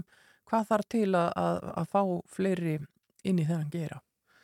Sko, þessi geiri er svolítið sérstakur að því leiti að hérna, hann er svona á blæðandin hýsbrún tækni framþróunar alltaf og það sem er kent í skólum hér þó að það sé ímist frambóð í, í þessa átt þá er það kannski litað af einhverju sem er tíu ára gamalt, það er einhverju sem starfaði við þetta og fór svo að kenna eh, og er kannski bara með tíu ára gamalt mótel sko. mm -hmm. eh, það er strax orðið rosalega úreld þetta er ekki líkt öðrum yngreinum þar sem að þú veist, þú lærir að gernakla og, og þú er bara flottu smiður um okkur tíð sko. mm. Eh, þannig að það, það er eitt þátturinn í þessu. Annað þáttur í þessu er að hérna, eftir hérna efnaðshruna þá uh, bjargaði ferðamanniðinaður en hagkjörun okkar og við erum þetta, þakklátt fyrir það, ég ætla alveg ekki að tala niður ferðamanniðinaðin en það var gífulega mikið af fólki sem flosnaði upp á námi og, og, og fór að starfa í þeim einaði eh, áherslur í íslensku mentakerfi hvað var það stemgreinar starfræði hérna eh, sagt, verkfræði og, og, og, og eðlisfræði og þess áttar eh, hefur ekki verið jöfnu mikil eins og hún er ellendis. Við leggjum mjög mikið upp úr eh, alls konar fögum sem eru frábær mm. sjálfuð sér, félagsfræði, sálfræði, kynjafræði jarðfræði og, og, og allt mögulegt, allt mögulegt. Eh, en okkur vantar eh, fólk sem kemur úr, úr, úr hörðuvísindunum mm. já, já. En hvernig séu þennan eðin að þróast núna á næstu mánuðum árum? Það eru þetta það eru þetta vonin eru þetta svo að, að, að eins og ég sagði á þann þessar endurgröðslu verið festar í sessi eh, það gengur ágætlega langt í því að gera rekstra umhverfi á Íslandi samkeppnishæft við uh, þau lönd sem við svona, berum okkur saman við uh, og að aðgengi að hérna erlendum sérfræðingum það þarf að stóra auka það. Uh, það er þá fyrst og fremst sagt, flókið kerfi að koma þeim inn það er engi fyrirsjámanleiki ef að þetta tvengt er gert að þá tel ég að hérna íslenskur leggjaðinaður eigi eftir að geta jáfnvel tvöfaldast á fimm árum. Einmitt og, og það er heil mikið uh, þegar, sko, þegar hefur fjölgast starfsfólki um 35% á síðustu tömur árum. Já, það sem er auðvitað, og gaman að geta sagt frá því að sko, störfi tölvilegjaðina eru góð störf. Mm. Uh, það er sko fjárfesting, meðal fjárfesting per starfsmanni tölvilegjaðina er til dæmis sko tvöfald það sem gerist í kvikmundagerð og í álverunum. Uh, Þannig að þegar við tölum um störf var, í beinum tengslu við útflutning að, að þá er þetta gífulega háfjárfesting í þessum störfum. Uh, tekjurnar eru nánast allar útflutningstekjur þannig að þetta eru líka fyrir bara þjóðabúið, það er bara frábært að fjölga þessum störfum. Mm.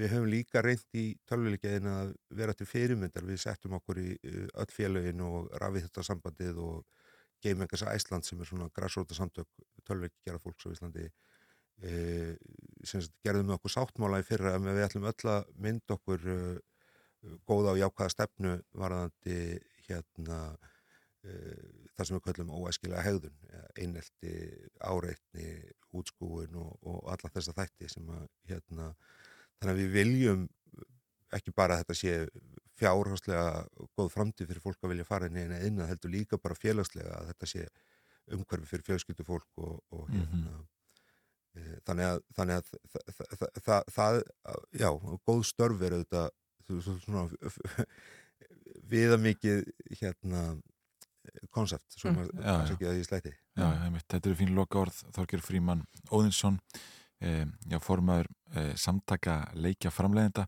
Takk fyrir að koma til okkar í morgun útarpið Takk hjá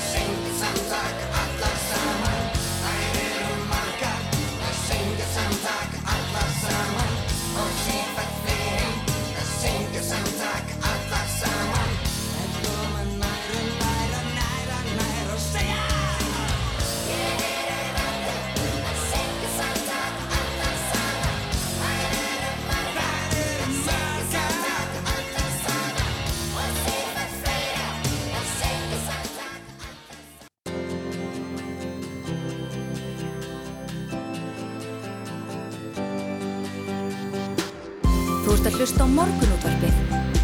Á Rástvö. Áframhaldum við hér í morgun útarpinu og til okkar er komin utaríkisráþara Þórdís Kolbrún Reykjörð Gilvadóttir, velkomin. Takk fyrir. Við ætlum svona aðeins að ræða um hlutverk Íslands þegar kemur að innrás rúsa í Úkrænu, verkefni öryggisvæðisins á keflauguflöðli og, og kannski svona hvernig smáríki eins og okkar getur lagt sitt til og þú sagðir einmitt í, í ræðu um daginn uh, þegar þú heimsóttur öryggisvæði að við gætum ekki staðið aðgerðalög sjá þegar alþjóðalög eru brotin á jafnblöðunalögsan hátt og stórveldi Rúsland hefur nú gert.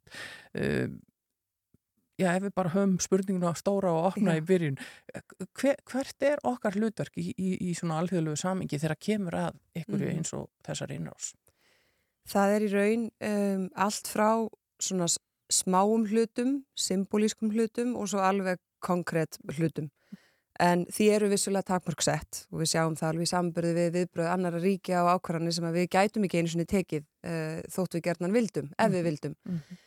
En við erum uh, mjög virk í alþjóðlegu samstarfi, mjög víða og þar höfum við bæði stutt tillögur um bæði sagt, álíktanur um fordæmingu sem skipta máli í öllu svona samhengi, uh, stutt tillögur um að víkja ímist sko, tímabundið eða frista svona samskipti á milli uh, alþjóðleira stopnana, svona vettvanga og, og hérna Rúslands. Um, við höfum síðan hér sko bæði með fjárhags aðstóðbeitni í gegnum svona þá kanala sem við þekkjum og, og notum og treystum eins og til að mynda Rauðakrossin og í gegnum saminuðu þjóðnar uh, í bara beina aðstóð inn, á, inn í Úkrænu og sömulegis við landamærin uh, þar sem að svona þrýstingurinn er mestur og álæði mest og, og fólk er að, að hérna, leita til. Um, og svo eru við sko þrátt fyrir að vera mjög svona hvað ég segja einstakur, einstakt aldaríki innan NATO þar segja við erum ekki með her þannig að við erum ekki með sömu svona annars konar skuldbindingu þegar kemur að fjár uh, inn í varnatengt verkefni að þá samt er hlutverk okkar mikilvægt bæði vegna þess hvar við erum staðsett eins og hefur verið alltaf og alveg með nýjum áskorunum þá breytist það ekki við erum strategist mikilvægt svæði mm -hmm. og það þýðir að við þurfum að bæði svona styðja við og skilja hvað það þýðir og við erum með Uh, ég meina, hér eru við með bæði ratsjárstöðar sem að fýta upplýsingum inn í uh, kerfin sem að skipta máli fyrir aldrikin öll og, og hérna, og svo erum við með þessa loftrými gæslu sem að þar sem þá önnur ríki koma hinga nokkur sunnum ári og sinna þeirri gæslu og við erum með gistiríkja stuðning þannig að við greiðum hérna fyrir það þegar þau uh, eru hér og það var til að mynda hópur sem ég hitti í hérna einu kemlaugusvæðinu í síðustu viku, það var portugalski flugherrin þar sem menn og konur eru hér búin að vera sinna í nokkru vikur. Og svo eru hérna eh, bandarískir eh, bandarí, bandaríkir menn líka þar. Þannig að, og inn í allarsasbandalæginu þá erum við alveg, þú veist, við, við, við skiptum máli þóttu séum ekki, sko, hernaðlega skiptum við ekki máli. Mm. en, en hérna sem svona bara fullvalda og fullgilt ríki í að styðja bæði ákvarðanir og, og eiga í því samtali uh, þá skiptum við alveg mál, þannig hlutverk okkar er margslungi þótt að sé ólíkt mörgum öðrum. Já, já, og stendur til að gera einhverja frekari breytingar hvað var þar sko, verkefnin á, á öryggisvæðinu í Keflavík? Sko það eru frá 2006 þegar hérinn fer og svæðinu er svona skipt upp og þá eru vissulega þarna, uh, við höfum til að mynda verið að byggja eh, húsnaði fyrir undir svona gisturíkjastuðning, uh, fleiri rými og hérna sem er líka ákveð svona kostnæðarmál, það er ódýrara þar heldur en að, að hérna leia hótelherbyggi um, en það eru þarna ímis sko svona byggingar og annað sem er bara komin á tíma sem þarf að, að endur nýja og svo eru svona ákveðnir innviðir þarna á svæðinu sem að uh, ekkert sem komið er einhvern veginn inn á mitt borð til að taka ákvörðunum núna. En það liggur fyrir sko í raun óháð þeirri stöðu sem uppur komið núna að þá likur fyrir að, að hérna, einhverja svona bæði viðhaldsverkefni og mögulega framkvæmdir síðan á döfinni, það síðan kann að, að breytast og sömulegis með bara viðveru og svona viðbúnað, ég menna allarsasbandalagi er búið að virkja allar fimm varnaráallanir sínar og við erum þá Ísland og Norrögur er saman í einni varnaráallin, uh, forgangurinn vissulega austar heldur en hjá okkur En þannig að við þurfum þá að vera tilbúin að bæði stiðja við það og, og hérna, taka á móti því, hvað hva sem það kann að þýða, sem er líkur ekki fyrir kannski nákvæmlega núna. Um, og svo eru bara löndin öll að endur með þetta sínu stöðu. Veist, það, eru, það eru ríki að setja stórkoslega aukna fjármunni í vartantengt verkefni sem allarsasbandalagið og bandaríkinn kannski sérstaklega hafa verið að kalla eftir. Það er ákveðin svona mörg þar inni sem að ríkin eiga að vera að setja fjármagn uh, í upp að 2% af verku landsfármuslu mm. sem það hafi ekki verið að gera og, eða fæst og núna er, er hérna, mikil innspýting þar og eitthvað því kann að hafa áhrif líka bæðið þá bandaríkinn gegnum okkar varnatengta hérna varnasamning og svo uh, NATO sumuleiðis. Þannig að ég held að séu meiri líkur en minni á að það verði farið í einhver frekar, einhver frekar framkandir uh, á öryggisvæðinni kemlaug í ljósi alls sem hefur breyst og mun ekkit breytast tilbaka. Ég óháð þýru um hvernig nákvæmlega þessar hörmungar enda. Já, um daginn uh, urðu borgarbúar varir við, við þóttuflug við sem erum alveg upp í kefla, kýftum okkur ekki upp við þetta en, en mörgum brá og, og almenningur hefur svona verið að velta fyrir sér hvort að þessi staða sé að kalla á einhver aukin, mm. já bara hernaðar umsvið og, og, og frekar viðveru herabla hér í landinu. Hver er staðan á því? Já, það er, hérna, það er nefnilega áhugavert með uh, þessar vélar sem eru, eins og síðustu viku voru í raun og vegum portugalska hersin sem eru búin að vera hérna. Að ég held einhverju sé að svona kannski taka eftir því af því að fólk er með hugan við það. Uh, sumir verða smekir eða bara jafnvel hrættir og hugsa hvað, hvað er og segið er eitthvað að gerast.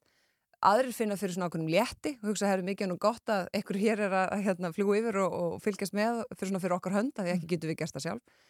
Um, en það er í raun sko svo hérna loftrýmingjæsla núna er bara lönguskipulög, við erum alltaf með 3-4 hverju ári og í raun hefur engin breyting enn verið á því.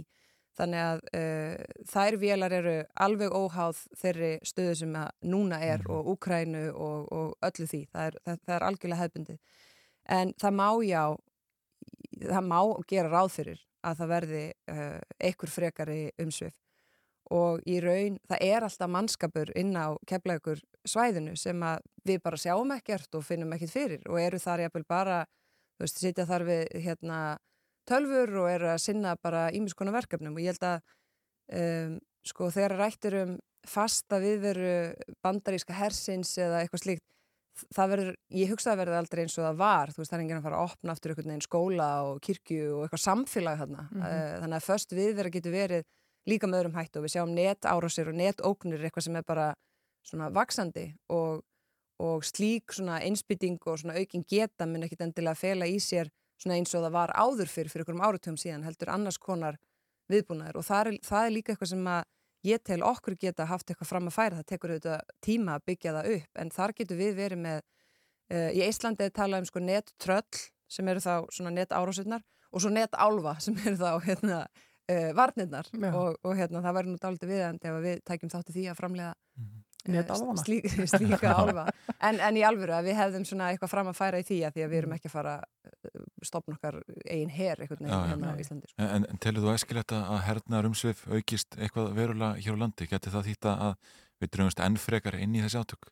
Ég Sko í mínum huga er það í raun um, bara ískalt hagsmunumatt og við þurfum að hafa getu til þess að taka móti slíkum upplýsingum, ábendingum, tillögum, uh, hafa á því skoðun og, og geta með einhverjum hætti greinta en átt okkur samt á því að við erum almennt svona frekar móttakendur heldur en hitt, við erum ekki með, veist, erum ekki með slíka getu í sambyrðu við önnur hérna, ríki. Mm -hmm. Þannig að fyrir mér er það bara kallt hagsmunumatt, við erum með þessa stöðu, við, það er geta innan allarsasbandalagsins til þess að meta hana. Og ef að niðurstaðan er að við þurfum á einhverju frekar umsögum, þá finnst mér við að skoða það alvarlega og, og, og, og taka þátt í því, það er okkar ábyrð, um, en, en hérna, það er ekki þannig að það sé einhvern veginn pólitísk ákverðun bara hér hjá mér eða ríkistjórn eða eitthvað slíkt að, að nú sé einhvern veginn stemming til þess að gera það. Þú veist, mm. það er bara ef, ef, ef, það, ef það kallar á það, þá, þá hérna, finnst mér að sjálfsögðu við eiga að, að gera það. Já, já, einmitt. Nú eru þetta uh, Ísland í NATO mm. og, og, og það má segja svona einn af Já, kjörnónum í þessari eh, innrás snýstum eh, aðild að NATO og Úgræna eh, vilji komast í NATO og það eru fleiri lönd sem að er að ræða það og, og skoða. Hvernig er umræðan innan NATO? Hefur þú á fundum og í samskiptum mm -hmm. við þína kollega, hvernig er stemmingin með það að stækka NATO? Þetta er, um, hvað má ég segja, sko, þetta er náttúrulega alveg viðkvæmt. Það er að segja, það er, það er sko algjörlega hamra á því sem er kjarnimáls og staðrindin að það er sjálfstæð ákverðun fullvalda ríkja hvernig þau vilja haga sínum málum og taka ákvarðanir við öryggis og varnamála. Allasafs bandalægið eða ríki þess eru ekki að draga önnu ríki inn til sín eða plata þau til þáttöku ykkurum, með einhverju starra agenda eins og hérna rúsnesku öfild virðast halda fram. Mm. Það er ekki þannig. Um, en síðan er alveg, auðvitað finnu, finnu við fyrir því að það, að það er talið hafa einhver, einhver áhrif ef að ákveðin ríki eða fleiri ríki uh, koma þangað inn. En það er líka ástæði fyrir því að, að löndin hafi vilja koma inn og það sýnir, það kannski sést ágætlega núna að kannski var einmitt ástæða Menna, ég ætla að fullir það að Eistarsaltsríkjunum og fleiri ríkjum líður betur, mm -hmm. finnast þau örugari og geta frekar tryggt öryggi sinna, sinna borgara verandi hluti af allarsas bandalæginu. Mm -hmm. Það er ákveðin lína að fara þangað inn.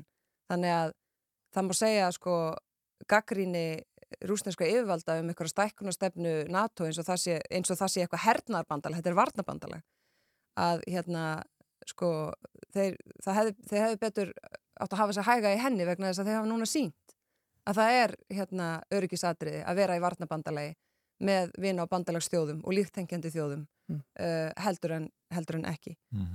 en, en hérna ég menna Úgræna hefur kallað eftir því að, að hérna, koma inn og það hefur verið í ákveðnu ferli en er vissulega ekki klára og svo erum við með Finnland og Svíþjóð og, já, já. og svona þannig að það er spurning hvernig, hvernig það þróast. Já, eins og við höfum hérna í, í fréttum áðan þá eh, hvati Vlótamir Selenski í Ukraínu fórseti í aftur ríki allarsvarsbandalagsins til að lýsa yfir flugbanni yfir landinu.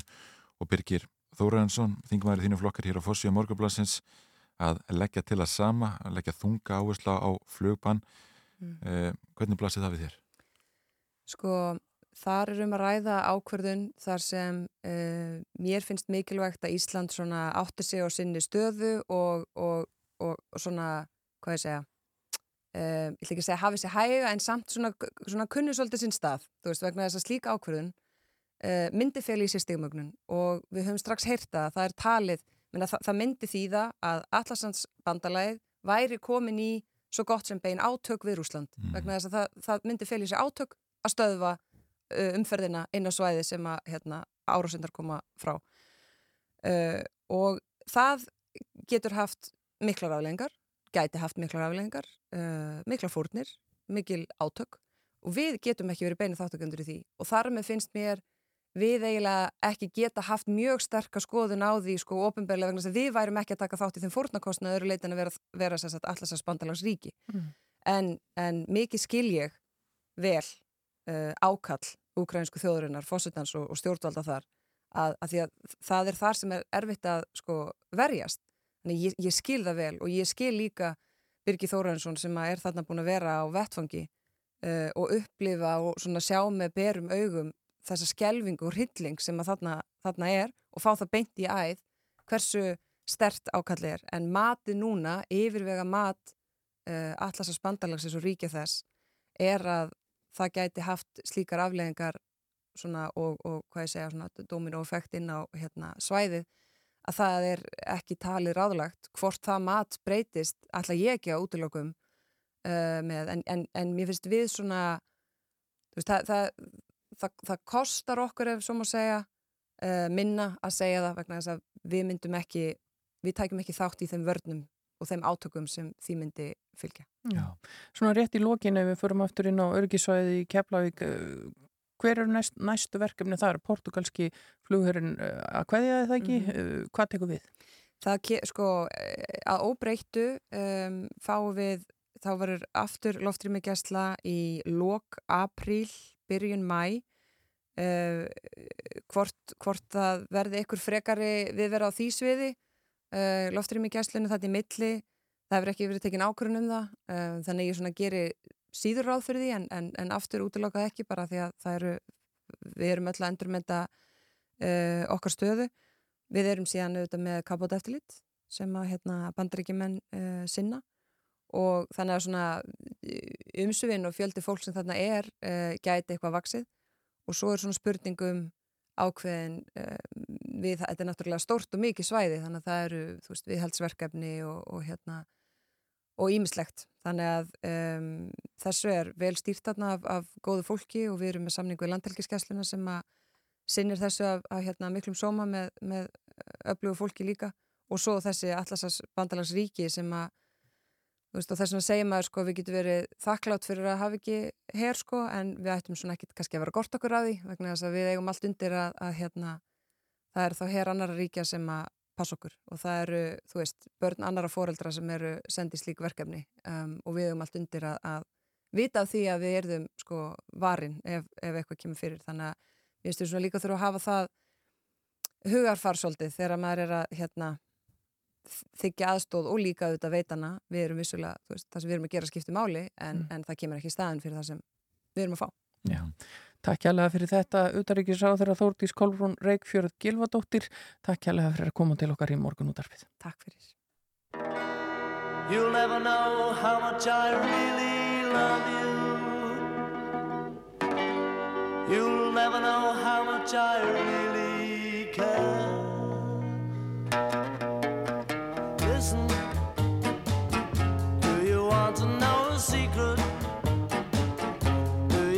promise not to tell. Whoa, whoa, closer. Let me whisper in your ear. Say the words you long to hear.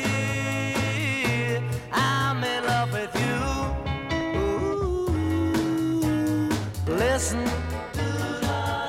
Do you want to know a secret? Do you promise not to tell?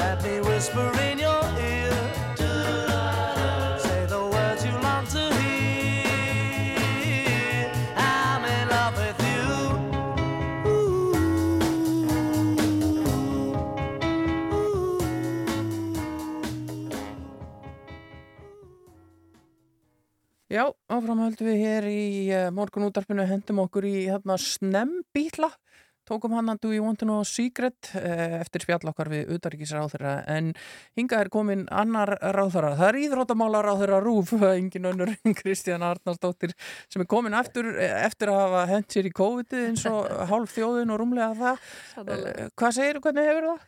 Bara fínt, ég ætla að nota þennan titil, mér finnst það skemmtilegt. Já. Íþróttamálar að ég, hérna, jú, ég hefði bara fínt, hérna, maður er svona auðvitað smá hvað var ennþá röttinni en, en ég er búin að mánu, mán, mánuður. Ég ætla að segja að það er mánudagur síðan ég hafa vikar síðan ég smittast. Þetta er alltaf að reyna saman í svona ástandi. Já, já. Það verður bara Það er þetta. þegar fólk er með COVID og það er appsýngul viðvörun þá er hann bara mánudagur alla daga þetta bara verður svolítið svoleiðis en uh, auðvitað ímsu að taka um helgina en, en svona það sem stendur upp úr uh, frábæra árangur uh, á vetrarálipíu móti fallara Já, einmitt, Hilmar Snæður Örvarsson, hann er hérna, uh, ég hitt hann einmitt áður en hann fór út uh, og við fórum að ræða svona markmiðin, hver markmiðin væri og svona. Og hann sagði mér bara að hann ætlaði að stefna á topp 5 á, í svíinu í, í, í Beijing og hérna, svo var það nú bara þannig að fyrir sko, maður er nú að reyna að kvíla sér svona vel í, í COVID-inu og reyna að sofa og svona sofa rétt um tíma en, en ég vaknaði þarna í nóttina og hugsaði að býtu, hvað er klukka núna, hvað er allan sé allan sé, allan sé komið að hann í, í svíinu?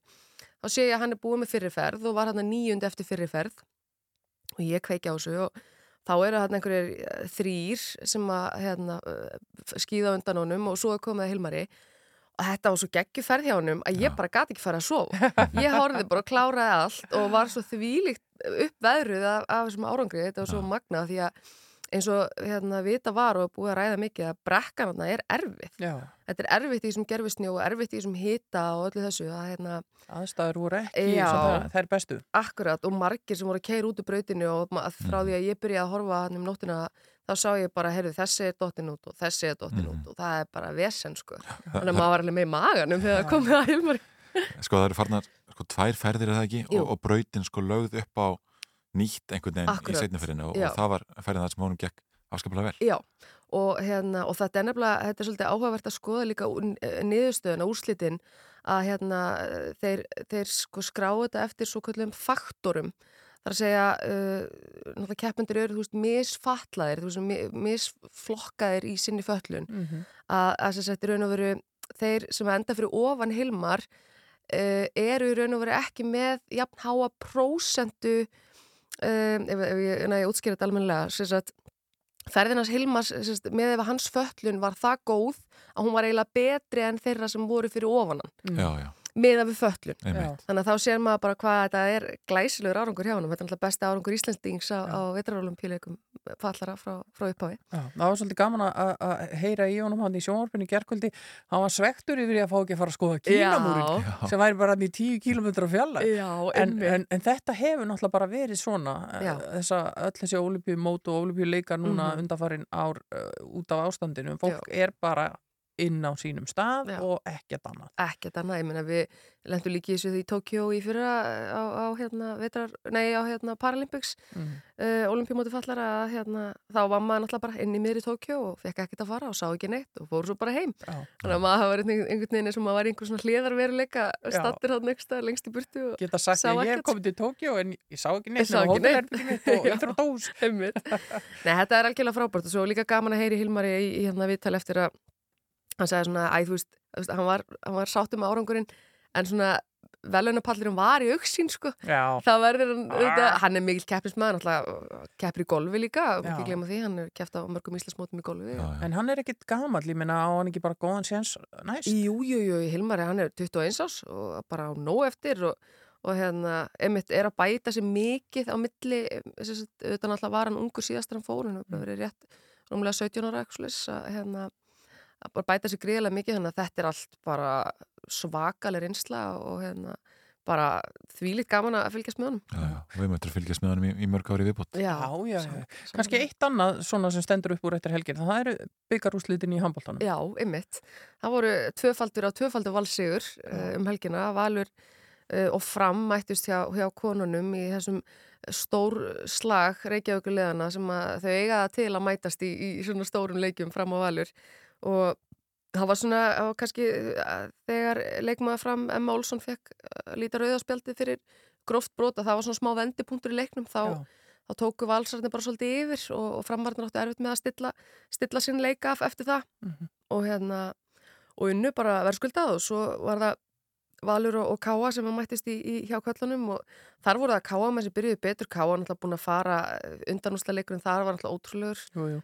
Og hérna fyrir þá sem ekki munna var það alveg framlenging og allir pakkin sko Mhm. og, og bara svona gullmark nánast eins og gamlega gullmörkin voru á hérna loka sekunduleiksins Káa með byrjuði betur og í svaka gýr en, en svo Valur er bara með það öflugt liða þeir bara svona hérna, sildu, Já, sildu já. þessu heim Kláruðu málið. Og það er hægt að finna þetta auðvitað í smáadriðum inn á rú.is undir íþróttavefnum okkar þar og svo er auðvitað líka bara hægt að horfa á leikina fyrir þá, þau sem mistu að vegna þess að þetta var allt hérna í beitni og er þá inn á spilaranum okkar og Já. Fólk sem er í COVID og svona núna Já, getur mig svarið og horta á þetta allt saman. Það henda sér í einn og einn handbóltaleik.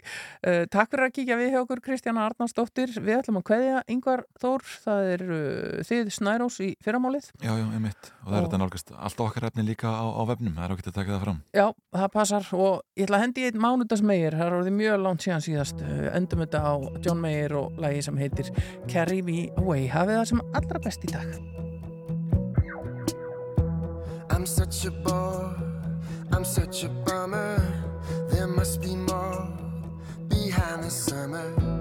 I want someone to make some trouble. Been way too safe inside my bubble. Take me out and keep me up all night.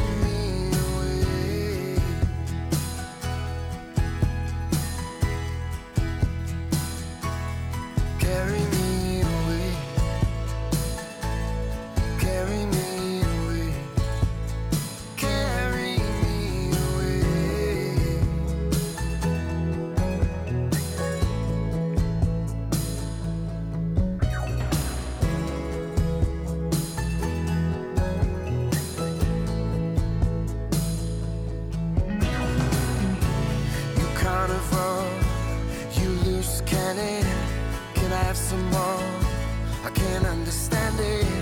You fast car, you foolish spender. You know you are, and I surrender. So come on over and wake me up. Put some of your tequila in my coffee cup. You know I need you, and that's for sure. You're just the kind of crazy I've been carrying for.